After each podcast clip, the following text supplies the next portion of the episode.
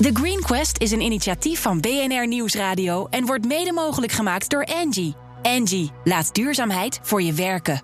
BNR Nieuwsradio. The Green Quest. Harm Edens. We zitten al halverwege 2019 en we moeten nog een hoop doen om de klimaatdoelen van 2020 te halen. Met een enorme galm. We zijn live vanaf de Zuidas in Circle van ABN AMRO. In de Green Quest hebben we het hele jaar gezocht naar innovaties die ons daarbij echt gaan helpen. En uh, misschien gaat dat wel lukken. Straks na de uitzending is de uitreiking van die Green Quest Award. Dat wordt reuze spannend, daar hoort u volgende week meer over. Maar dat geeft ons nu mooi de gelegenheid om te kijken wat onze zoektocht heeft opgeleverd. En daarvoor hebben we een speciale gast uitgenodigd. Iemand die heel veel bezig is met de circulaire economie. En ondertussen als architect van zijn bureau Turn 2 ook bijzondere projecten doet. Fijn dat je er bent, Thomas Rauw. Dankjewel. Even voor, uh, voor mij, Thomas. Waar werk je op dit moment aan met... Uh, nou, we zijn uh, de, de nieuwbouw van het hoofdkantoor van de Triodos aan het afmaken. Het eerste remontabele kantoorgebouw ter wereld. Geopend eind van het jaar. En wat zit er in de pijp? Want dat, dat, wist iedereen dat je dat aan het maken bent? Ja, nou, we zijn bezig met het allergrootste houtmoduleproject in, in Europa. Uh, dus uh, dat komt ook, wordt ook binnenkort publiek gemaakt. Dan ga je bij ons vertellen wat het wordt. Misschien. bij deze. Wij hebben onze deelnemers aan die Green Quest gevraagd welke drempels zij tegenkomen bij het ontwikkelen van hun innovatieve projecten. Zijn er struikelblokken die jij steeds weer tegenkomt? Nou ja, ik denk een van de allergrootste struikelblokken is eigenlijk de overheid omkijken. We zien ook hier vandaag allerlei mensen met allerlei goede ideeën. Nou, daar kun je van alles van vinden. Dat is even niet aan mij om daar iets van te vinden. Mhm. Maar als de overheid gewoon niet eindelijk begint haar rol te pakken... namelijk uh, welzijn te borgen dan, uh, dan gaat het niet goed. En de overheid is veel te wispelturig. Ligt ook in het democratische stelsel uh, begonnen. Omdat we om de vier jaar iets anders doen. Dictatuur is handiger, hè? Ja, dictatuur is heel handig. Met dictatuur, jongen, je kunt een vaart maken, maar ook de verkeerde kant. Ja, nou, dat, is het probleem. Het risico ervan. Ja. Nou hebben wij onze Green Gallery leden gevraagd... wat zijn de obstakels die jullie vaak tegenkomen? Ja. Ik heb er een paar verzameld en die wil ik jou graag voorleggen. Goed. En het eerste is eigenlijk heel erg voor de hand liggend, maar ook heel lastig. Dat gaat over de term duurzaamheid. Mm. Dat is zo'n containerbegrip. Ik zeg altijd, het is het koriander van het nieuwe millennium. Het zit overal in. En je kan het op heel veel manieren uitleggen. En soms ontstaat er zelfs een soort wantrouwen als het woord duurzaamheid weer valt. Ja. Wat moeten we ermee? Weg met dat woord? Nee, nee, nee, nee. nee. Kijk, eh, nee, kijk een, een woord is een begrip. Een begrip komt van begrijpen. Dus blijkbaar hebben we iets begrepen waardoor we een begrip nodig hebben. Ja. Dus daar is niks mis mee. Maar als we vergeten zijn wat het begrip betekent, dan gaan we natuurlijk een containerbegrip maken. Dan past alles erin. Dan past alles erin. En we zien, kijk, duurzaamheid is maar een heel beperkt speelveld om die transformatie die we echt nodig hebben, die te organiseren. De consequentie op dit moment is, zoals we het op dit moment laden, denk ik, wordt het een van de allergrootste problemen in deze eeuw. Duurzaamheid zoals we het nu invullen, weerhoudt ons van de stappen die we zouden moeten maken. Ik zeg wel eens volhoudbaarheid, veel beter woord. Is dat toch handig om te wisselen of moeten we duurzaam opnieuw laden? Nou, nee, we moeten duurzaamheid helemaal niet nu, nu, laden. Maar we moeten begrijpen wat het is. Kijk, duurzaamheid betekent het optimaliseren van het systeem. Minder materiaal, minder energie, minder dat, minder zo. Maar dat betekent dat je het systeem niet verandert. Maar je optimaliseert het systeem. En we moeten, we moeten meer oordeelskracht ontwikkelen. Wanneer moeten we het systeem optimaliseren? Of wanneer moeten we afstand nemen van het systeem en juist niet optimaliseren? En dus eigenlijk afschrijven en een nieuw systeem bedenken? Dat, en daar gaat circulariteit over. Wou ik zeggen, in het verlengde daarvan is het niet veel beter om duurzaam te laten waar het hoort. En te, eigenlijk alleen nog maar te hebben over circulaire economie. Nee, ook niet. Uh, om, uh, het is een, een, tweede begrip die iets totaal anders betekent. Soms lees je duur, nou, circulariteit is duurzaamheid 2.8 of 3.7 of allemaal die mm -hmm. onzin. Uh, en je ziet natuurlijk ook, je kunt de krant in Nederland niet openslaan. En heel Nederland is circulair, culinair, ordinair, arbitrair. Nou, het vliegt hier helemaal zo om de oren. En iedereen weet het natuurlijk niet waar. Maar we suggereren door een begrip, een beweging die er gewoon helemaal niet is. Duurzaamheid optimaliseert het systeem. Circulariteit gaat over het ontwerpen van een volledig nieuw systeem. Ja. Duurzaamheid bedient een klant. Circulariteit creëert nieuwe markten. Twee totaal verschillende dingen. Dus laat alsjeblieft die begrippen op de goede manier gebruiken. En wel de verbinding daartussen slaan, denk ik. Die verbinding daartussen die staat natuurlijk automatisch. Nou, Nou, We wisselen voortdurend de begrippen af. Hè? ja, maar dat zijn wij, omdat we niet, dat we niet goed begrijpen. Maar kijk, iedere, vroeger hadden we cradle to cradle, hadden we noodle to noodle. Nou, nu hebben we circulair, culinair. Nou, het gaat allemaal, allemaal door elkaar. En daar moeten we, in de hoop dat we daar eh, een beetje helderheid vandaag in kunnen brengen. Dat we doen. die discussie zuiver moeten voeren. Probleem 1 van onze Green Quest enthousiastelingen. Ze lopen voortdurend aan tegen het conservatisme van de bestaande industrie, die nog heel profit gedreven is. En eh, de vraag aan jou is: hoe verander je dat? Hoe ga je het hebben over social impact? Hoe krijg je inkopers en CEO's en grote investeerders mee dat ze het begrijpen en willen helpen? Nou kijk, in die vraag ligt dan een soort mis- misvatting. De misvatting is als we op, de, op een andere manier eh, economie gaan bedrijven... dat we daar geen profit kunnen maken. Sterker nog, we moeten profit maken... Want geld is kapitaal zonder bestemming. Dus we moeten geld hebben om uiteindelijk een nieuwe bestemming daaraan te kunnen geven. Het probleem van deze bedrijven is dat ze natuurlijk alleen maar een reflex hebben om hun eigen systeem overeind te houden. Zoals wij ook het grote systeem Nederland overeind willen houden. Dus ze beschouwen alles als een bedreiging als het niet overeenkomt wat ze tot nu toe al maar de hele tijd gedaan hebben. De enige mogelijkheid, en daar zijn we druk met Turn toe bezig, is aan die mensen te laten zien wat de financiële baten en de financiële incentives zijn als ze op een andere manier hun economie gaan bedrijven. En dan gaat die goed. Zoals in het boek Drawdown, 100 cases van circulaire economie. Ja. Dus als je een start-up bent en je wil iets, zorg dat je een kloppend, eh, profitable plaatje meebrengt. Ja, en ga niet naar de CEO, die is toch morgen weg en daar word je nog goed voor betaald ook. Ga naar de CFO. Kijk, Kijk, die, is- zijn, core, zijn core business is het namelijk om de- die verandering te hebben. Heel goed. Je, bent, je zit er lekker in, meneer Rauw. Ja. Dan gaan we van product naar service, nu al jaren. Jij was de eerste die geen armaturen bestelde, maar licht. Dat, dat geldt voor die deelnemers, die willen dat ook graag. Hè. We hebben bijvoorbeeld een, eh, deelnemer die maakt witte verf. Maar dat stopt ze op huizen. En dan wil ze eigenlijk dat witte huis leasen als concept. Maar de klanten willen alleen maar witte verf uit een blik. Hoe pakt ze dat aan? Nou ja, eh, kijk, leasen heeft niks met circulariteit te maken. In principe niet. Nee, en leasen heeft toch niks met service te maken. Kijk, leasen is de allerlaatste stuiptrekking van het oude financiële systeem. Uitgevonden na de Tweede Wereldoorlog om de consumptie aan te, aan, aan- te wakkeren. Mensen hadden geen geld, dus ze hebben de financiële product bedacht, leasen. Leasen bet- betekent dat het financiële instituut eigenaar wordt van het materiaal van, van het product. Maar ze kunnen er helemaal geen verantwoordelijkheid voor afnemen. Dus product als service betekent geen leasecontract, maar dat de oorspronkelijke producent eigenaar blijft van het product en alleen maar de performance gaat Die bedoel ik eigenlijk. En dan willen ze toch verf uit een blik. Terwijl ze iets heel moois aanbiedt. Ja, Hoe krijg je die koppen om? ja kijk, kijk, hoe, hoe, hoe krijg je die koppen om? Kijk, de mens is een inzichtgestuurd wezen. Eh, eh, en informatie alleen eh, voldoet niet. Op iedere pak sigaret staat roken is dodelijk. Nou, hoeveel mensen hebben die we roken? Dus we moeten niet de illusie hebben, en dat doen we in de duurzaamheidswereld... dat we denken dat door informatie alleen de mens van gedrag verandert. Wat moeten we wel doen? Want daar, daar liepen ze steeds tegenaan. Hè? Ja. De ene helft zegt, de urgentie is moeilijk over te brengen. Als ik dat doe, dan kom ik toch weer in die doemverhalen uit. En die werken niet. En als ik dat niet goed genoeg doe, dan luisteren ze niet. Dus het is een soort spagaat waar iedereen in zit die heel lastig is. Ja, maar de urgentie is geen doemverhaal. Kijk, het doemverhaal is als urgentie actueel wordt. Dan is het namelijk te laat. Hè. Kijk, naar de, eh, kijk naar de vluchtelingenproblematiek, Ja. de, de watersnoodramp enzovoort. Ik denk de sleutel is, wij moeten de mensen in hun mens zijn gaan raken. En kijk, één ding is zeker, niemand gaat levend deze planeet verlaten. Dus dat is 100% zeker. Ik denk er nog wel over trouwens. Ja, sommigen denken, ja, maar dat, zijn, dat dat is een beetje de mentale hardcore. Daar moet je dan even niet, eh, moet je niet over hebben. Maar we moeten, we moeten elkaar in ons mens zijn gaan raken en appelleren dat we inzichtgestuurde wezens zijn.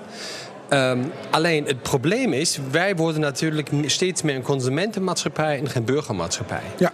Dus zeg maar, het individuele gedrag wordt daar helemaal um, uitgestrijkt door de opleiding. Want opleiding is eigenlijk afleiding in dit, in, in dit land. Dus kortom, er is heel veel werk aan de winkel. Het is een heel grote opgave. En we moeten niet de fout maken dat we zo'n complexe vraagstelling met een eenvoudig antwoord eh, kunnen bedienen. Het is heel complex. Dus blijven proberen en, en subtiel vertellen en steeds weer. Nou ja, dat subtiel is volgens mij meer van jou weggelegd dan van mij. Nee, maar die mag wel stevig erin met een gestrekt been. Maar dan, en dan met, met kleine stukjes. kleine- En als je meteen het hele veld wil omploegen, dan haakt iedereen af. Dus Nou ja, ik wil je een ander voorbeeld geven. Eh, ik zag net ook in je jasje de, de 17 SDG's, dat mooie kringetje. Kijk, dit, dit, dit gaat er natuurlijk ook niet worden. ja, het helpt om het aan te wakkeren. Precies, het helpt. Een heleboel dingen helpen. Als je longkanker hebt en je rookt minder, helpt ook. Ja. Maar veel beter is toch misschien helemaal te stoppen. En we hebben niet 17 SDG's nodig, maar we hebben 18 nodig. Ja, moet één bij. Als je, eh, als je de wereld wilt veranderen, heb je een volwassen instrument nodig. Dat is 18. En alle 17 gaan over het why, eh, gaan over het how en over het what en niet over het why. En wij moeten het hebben over het why. Dan krijgen die mensen ook eh, daarvoor. Als we het niet hebben over het why, is het een beetje schommel in de marge. Als je dan naar dat cirkeltje kijkt van die SDG's, zit Ja. een heel mooi gat in. Ik denk dat daar de why zit. Als Ja. we daar doorheen gaan, dan... eh, Ja, en dat, en dat gat is ook zwart. En de 18e SDG is ook zwart. Die heb ik afgelopen december overhandigd aan de Verenigde Naties. Kijk, we zijn op de goede weg, Thomas. Ja, dat, ja, dat mag ik hopen. Ik mag dat ook hopen. Ik wou nog een tijdje mee. hey, we hebben eh, niet al te veel tijd. Ik wil van jou weten, je hebt de prophets versus de wizards. Hè? De prophets die zeggen van, eh, we moeten minderen. En de wizards zeggen, de techniek gaat ons redden. Wie heeft er gelijk? Niemand. Alweer niet? Kijk, de allergrootste, realiteit, de allergrootste visie is de realiteit. En die durft niemand te aanvaarden en daarom gaan we visies ontwikkelen. Het is niet het ene en niet het andere. Het is altijd een combinatie van alles. En dat is een, ja, het is een soort wisselwerking tussen, tussen twee uitersten. Maar kijk, de mens moet de boel bij elkaar houden. Maar daarvoor moeten we ook in ons mens zijn gaan oefenen. En een van de allergrote problemen is dat we nog nauwelijks mensen die volwassen worden. Kijk, we hebben meer van die doorgezakte pubers die 65 zijn. Voor, wat hebben ze de laatste 15 jaar gedaan? Ik doe mijn uiterste best, hè? Vind je niet dat ik een klein beetje volwassen overkom? Nou, nou ja, in het begin wel van, van, van nu een beetje. Nee, maar even zonder, zonder gein. Ja. Kijk, wij moeten ons concentreren op de vaardigheden die we als mens hebben... en niet constant als consument acteren. Dat vind ik eigenlijk een hele goede afsluiting. Dankjewel, Thomas. Blijf erbij, want we krijgen zometeen Alberik Pater. IKEA is hard op zoek naar hernieuwbare grondstoffen om hun productieproces circulair te maken. Daarom investeren ze flink in recyclebedrijven. Zometeen hoor je vanuit Circle aan de Zuidas alles over hun circulaire plannen. Tot zo. BNR Nieuwsradio. The Green Quest. Welkom terug bij deel 2. De investeringstak van IKEA kondigde afgelopen week een investering aan in retourmatras. Dankzij het bedrag kan het recyclebedrijf de capaciteit opschroeven tot meer dan een miljoen matrassen per jaar. Een klein hoera is op zijn plek, denk ik. Circulair architect Thomas Rauw is hier nog steeds naast mij, live in Circle in Amsterdam. En Thomas, jij bent nu ineens de sidekick, oké? Ik doe mijn best. Ja, ik ben heel benieuwd hoe dat gaat. En eh Albrecht Pater, Sustainability Country Manager van IKEA, is er ook. Albrecht, fijn dat je er bent. Hoe hoog was de investering die jullie moesten doen in eh retourmatras? Ja, die hoogte van die eh, investering is een goed bewaard Zweeds eh, geheim. Daar ga ik dus ook niks over eh, zeggen. Maar ik Als je denk, het in geld betaalt, een knekkenbreuk, of hoe doe je dat? ik denk dat je er flink wat knekkenbroodjes van kan kopen. Ja. Maar ik denk wat belangrijk is, dat we inderdaad in staat zijn om uiteindelijk met deze investering de recyclecapaciteit naar die miljoen matrassen per jaar omhoog te krijgen.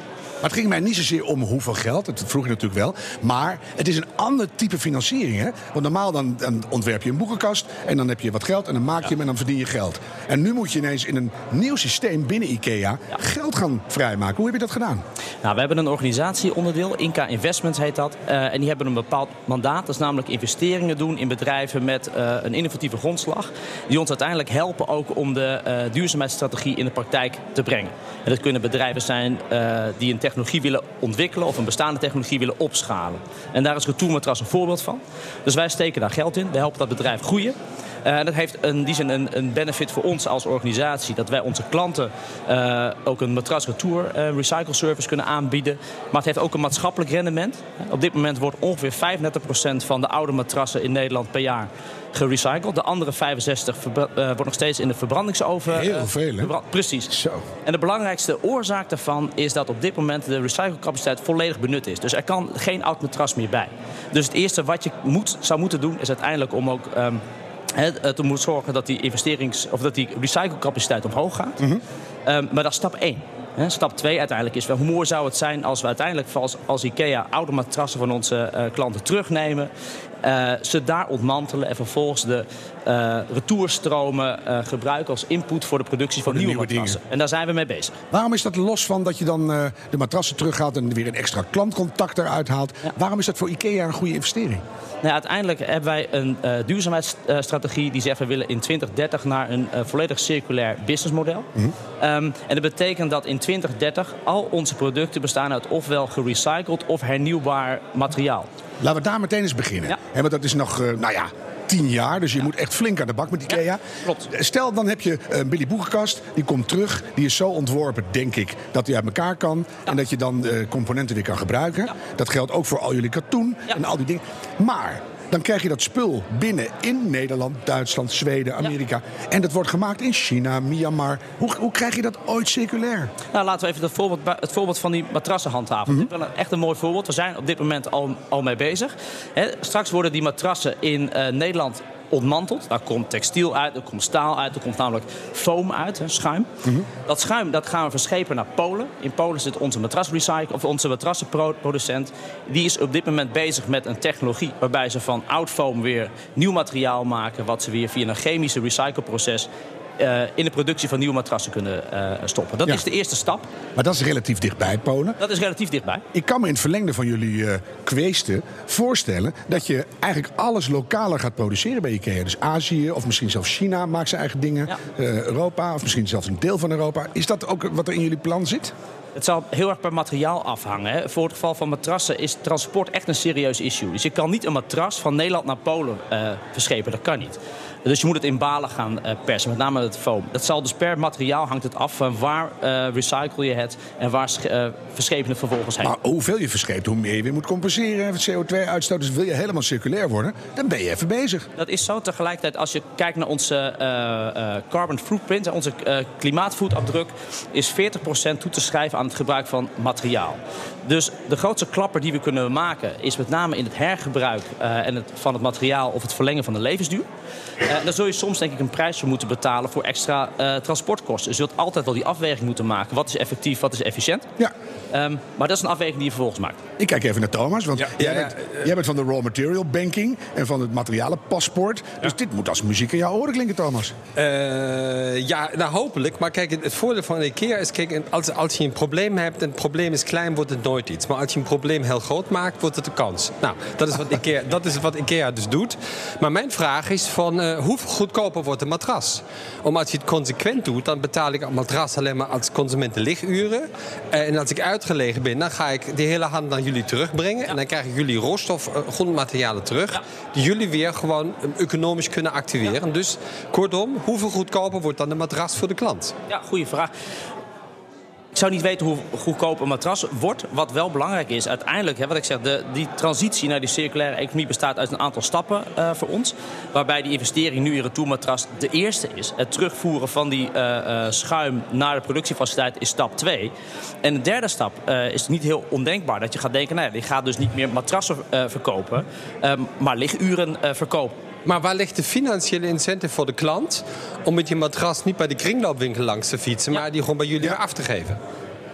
Nou, hoe die financiële eh, eh, benefit ligt, weten we nog niet. Maar wat belangrijk is, uiteindelijk als er geen benefit voor de klant is, ofwel in gemak of in eh, een financiële prijsprikkel, eh, wordt het heel lastig om die retourstroom terug eh, Precies. te krijgen. Dus daar moeten we zeker over nadenken hoe we dat Ja. voor, voor Maar wat, is, wat zijn jullie daar voornemens in? Welke prikkel heb je voor de klant? Om, kijk, Ja. dat ding naar Ikea terugbrengen Ja. is echt niet zo makkelijk dan bij de kringloopwinkel te Nee, dumpen. klopt. Dus wat, wat je nu ziet, hè, dus waar de, de, de matrassen bijzonder hard groeien, is met name in de online kanaal, waar dus een matras thuis bezorgd wordt. Nou, dan heb je al een bezorgmoment. Dan is het relatief eenvoudig om het oude matras terug te nemen. Dus we gaan daar komend jaar ook een pilot mee doen, waarin we een klant ook gaan belonen om een oude matras mee terug, terug te geven. Dus we gaan eens kijken hoeveel dat oplevert. Hè. Voldoen we daar, voorzien we daarmee in de behoeften van eh, de klant? En die zien we met name op het gemak. Dat je niet met je matras naar de milieustraat hoeft. is behoorlijk vervelend. Dus eh, ik, ik zie daar wel een punt op, Thomas. En dan doe je 10% korting op. Aan de andere kant, jij zei net in, het eerste, eerste- in de eerste helft... we moeten geld maken ook, want dan kunnen we dat weer investeren in een betere wereld. Precies. Dus ik vind het eigenlijk geniaal dat je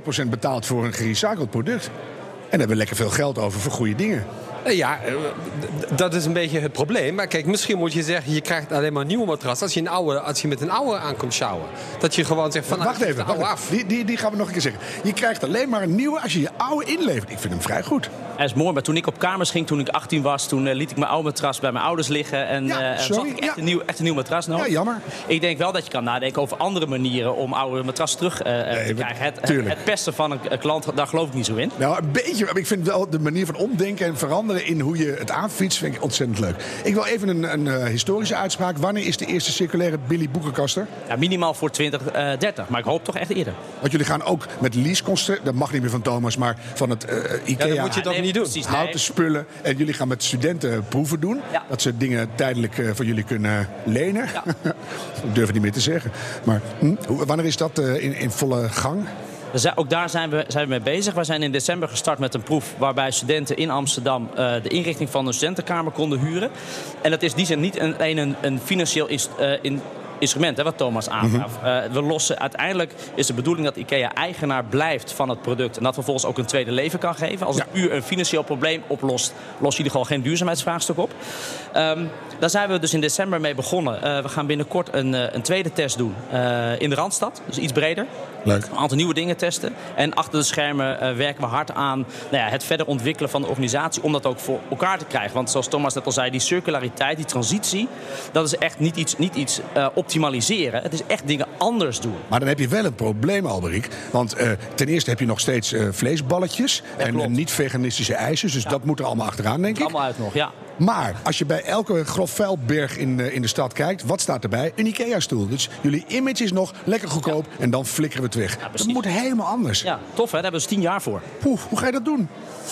Nou ja, ik denk dat we met die matrassen nu een eerste mooie stap zetten. Ehm, kijken hoe we daar die matrassen terug kunnen halen. We, eh, we zijn nu bezig met het testen van het, van het huurmodel. kijken of we daardoor dat we eigenaar blijven... ook die, ook die spullen eh, weer heel terugkrijgen... en het een tweede leven kunnen eh, geven. Ehm, dus dat soort, dat soort proefjes, ja, die zul je ook verder moeten gaan opschalen. Nou, we gaan het eh, geconcentreerd volgen, Thomas. Nou ja, mijn, mijn, mijn vrouw vindt dat ik een alcoholprobleem heb. Dus ik heb haar beloofd in 2030 te stoppen met, eh, met drinken. Dus ik hoop dat het mijn relatie gaat redden. Ik vind het een volstrekt eh, onnozele toevoeging in dit programma, maar wel leuk. Dus ik, ik Nou, ben- 2030 lijkt me fantastisch. ik leef We mee met je hebben- we vrouw hebben-. We hebben tijd zat, toch? ja, dit is nog 11 jaar, joh. Maar kijk, het- laten we het niet klein maken. Dit is een fantastische initiatief. We moeten gewoon ergens beginnen. En wat IKEA doet, ik ben zeker, het zijn nieuwe fouten. Maar nieuwe fouten zijn stukken beter dan de oude fouten. Daar heb ik niks meer aan toe te voegen. Dankjewel, Alberik Pater, Sustainability Country Manager van IKEA. Dankjewel, Thomas Rauw. En eh dankjewel ook aan je vrouw. En luisteraars, dank voor het volgen van onze zoektocht naar de mooiste duurzame innovaties. Elke week hier in The Green Quest. Ben je benieuwd naar de ontknoping? Volg vanavond hashtag Quest op Twitter. Kijk morgenochtend op thegreenquest.nl. Of luister, en dat doe je toch wel, volgende week naar The Green Quest. Want dan hoor je alles. Wil je iets terugluisteren? Dat kan via de BNR-app en bnr.nl. Of als podcast natuurlijk in iTunes en Spotify. En hey, doe het duurzaam. The Green Quest is een initiatief van BNR Nieuwsradio en wordt mede mogelijk gemaakt door Angie. Angie, laat duurzaamheid voor je werken.